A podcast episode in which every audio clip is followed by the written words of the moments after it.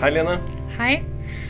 Temaet uh, for denne episoden av Helps podkast det er når samboere skal gifte seg. Hvorfor er det et uh, tema vi bør snakke om?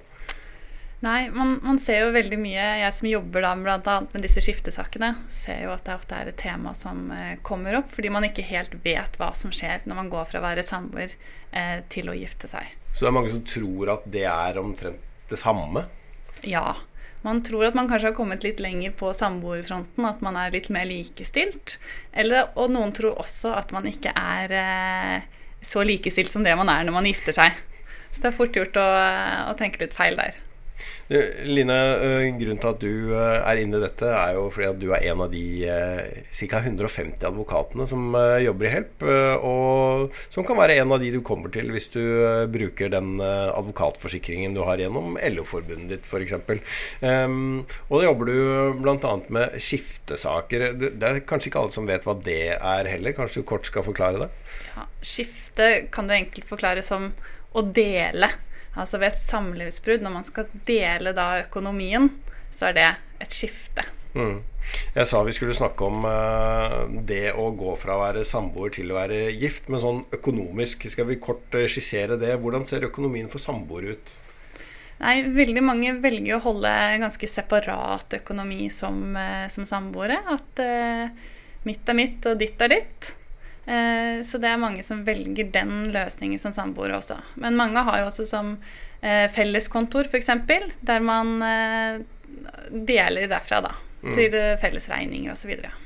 Men betyr det da at når samboere går fra hverandre, så beholder hver sitt, ikke noe likedeling eller noe sånt? Nei, det er riktig. Da mm. beholder hver sitt. Bortsett fra hvis man har samboeravtale, hvor man har avtalt noe annet. For det, da kan man jo egentlig avtale hva man vil, ikke sant? Ja, man kan uh, avtale at det, alt jeg kjøper, skal deles likt med min samboer. Det kan man gjøre. Så det er mm. full mm. avtalefrihet for uh, uh, samboere. Mm.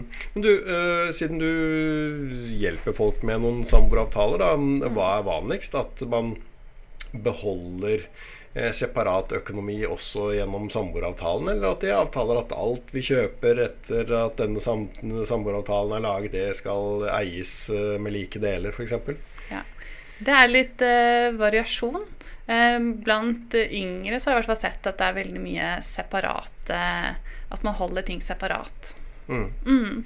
Du, uh, før vi går videre, da, så tenkte jeg kanskje at jeg skal uh, gjøre en liten reklame for den uh, malen for samboeravtale som du finner hvis du går inn på Help.no min side. Mm. fordi at mm, det viktigste i en samboeravtale er vel for de aller fleste fast eiendom. Ja. Det er mange som, uh, som lager samboeravtale når de flytter sammen, kanskje for uh, første gang. Og da blir det jo et spørsmål om uh, skal man eie den felles boligen likt 50-50, eller skal det være ulike eierbrøk. Og det har jo da med om den ene har egenkapital å skyte inn, f.eks., og hvor mye hver enkelt skal betjene av lån og sånne ting. Ja. ja. Men eh, det vi egentlig skulle snakke om, det er hva som skjer når eh, samboerne blir eh, gift. Fordi at da, da, da, endrer jo økonomien seg, gjør den ikke det? Jo, den, den, gjør det.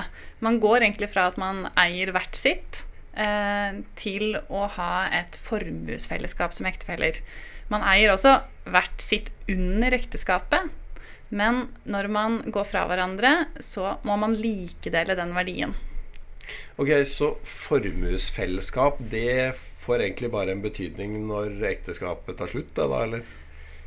Ja. Enkelt fortalt så kan du si det sånn. Ja. ja. Men uh, la oss si altså, Du har tidligere brukt en sykkel som eksempel, da. Ja. Uh, i, hvis vi er gift, jeg kjøper en uh, dyr sykkel, og så skal vi gå fra hverandre. Hva skjer med sykkelen da? Ja, Sykkelen er eh, fortsatt den som har kjøpt sykkelen sin, mm. men verdien skal deles. Ok, Så jeg må på en måte betale deg halvparten av sykkelens verdi, og så tar jeg med meg min sykkel? Riktig. Nemlig. Um, andre forskjeller, sånn viktige forskjeller mellom samboer og ektefellers økonomi?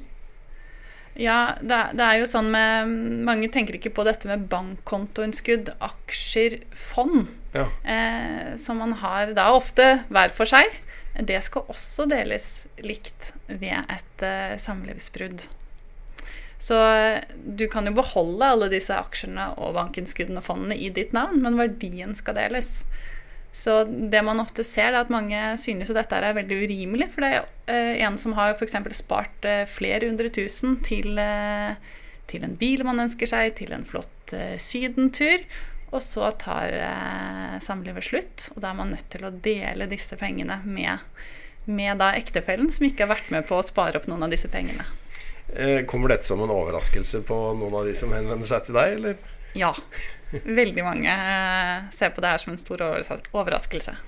Men du, her er det egentlig flere litt kompliserte ting som, eh, som vi kanskje må gripe fatt i. La oss si at jeg, la oss si at jeg eide 100 000 da, eh, Ja. før vi giftet oss. Mm. Eh, ta det enkleste først, kanskje. Da. Rentene på de 100 000 under ekteskapet, hva skal skje med de? Ja, eh, hvis du har da tar med deg 100 000 inn i ekteskapet, Ja. så må du jo holde de helt separat eh, for at du skal klare å ta de med ut igjen. ja. Ikke sant? Så da bør man ofte sette de inn på en egen konto, så man ikke blander inn midler man får under ekteskapet. Mhm. Så man bør ikke da, hvis man har lyst til å holde midler man hadde da fra før ekteskapet, utenfor ved et eventuelt brudd, så bør man sette de helt separat med en gang. Nemlig, og da, Mm. da går renten Da blir renten også stående på den kontoen, så da er det på en måte en, en ryddig atskilt uh, Ja. pengestørrelse som uh, holdes utenfor delingen ved et brudd. Ja, så da skal du få renten av det også. Nemlig. Eh, vi skal ikke introdusere altfor mange kompliserte begreper, men de pengene der, det er det man skjevdeler da, hvis man hadde det før man giftet seg, og så klarer man å holde det separat under ekteskapet, og så tar det slutt. Da får man de pengene ut med renter. Ja, det er det man kaller skjevdeling, ja. Ja. Ehm, men en annen ting som, som øh, jeg vil tro skaper en del øh, spørsmål, det er gjeld. Eh, gjeld som ektefeller pådrar seg. Hva skjer med det ved et samlivsbrudd? Ja, man har jo som den klare hovedregelen rett til å trekke fra gjeld på sin side.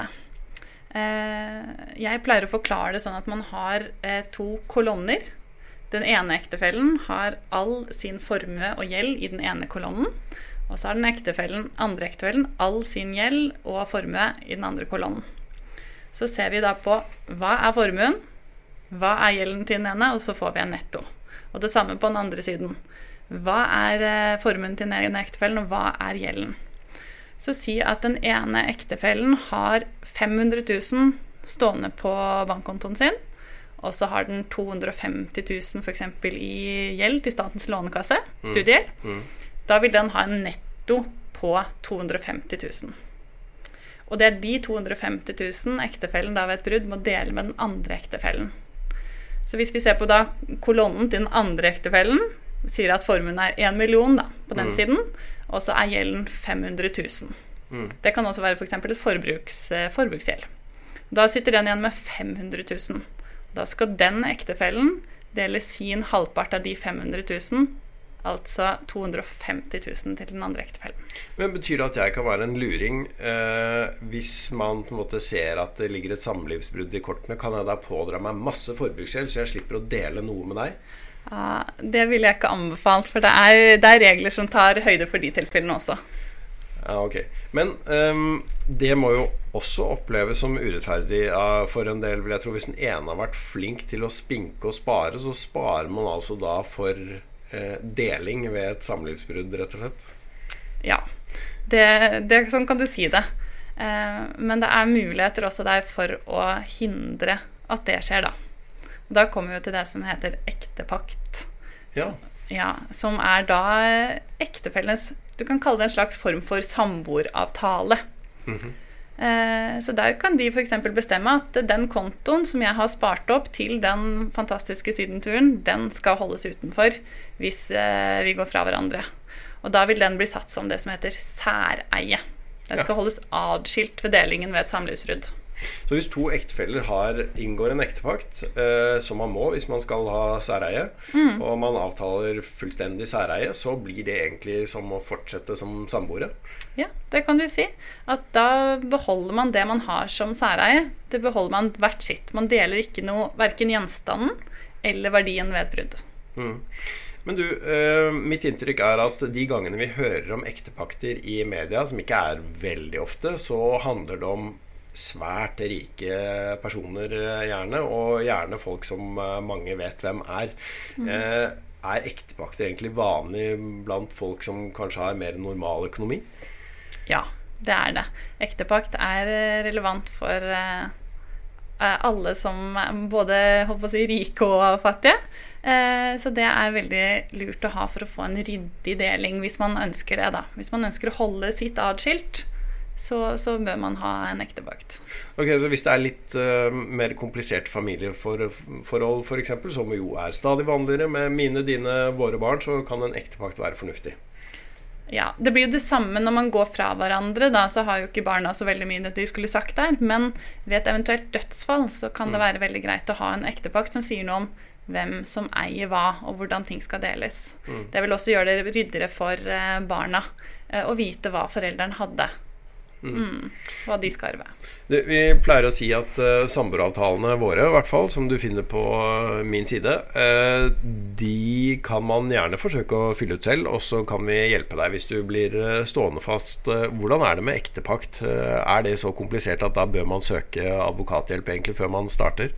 Ja, Ektepaktsskjema ligger jo da på Brønnøysundregistrene. Og det ser eh, ved første øyekast ganske enkelt ut mm. å fylle ut. Det er noen eh, kryss og noen åpne spalter man kan skrive litt i. Det er ikke men, så mange sider? Det er ikke så mange sider. Det er vel tre-fire sider. Eh, men her er det fort gjort å tråkke feil. Så, så, jeg ville anbefalt å i hvert fall ha en advokat til å se over hvis man forsøker å fylle ut en ektepakt selv. Mm.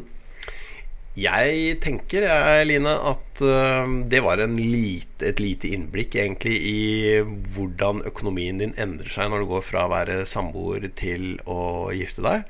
Mm -hmm. eh, og så kan vi jo bore dypere i disse temaene i noen uh, andre episoder. Tusen takk for at du så eller hørte på Help-podden.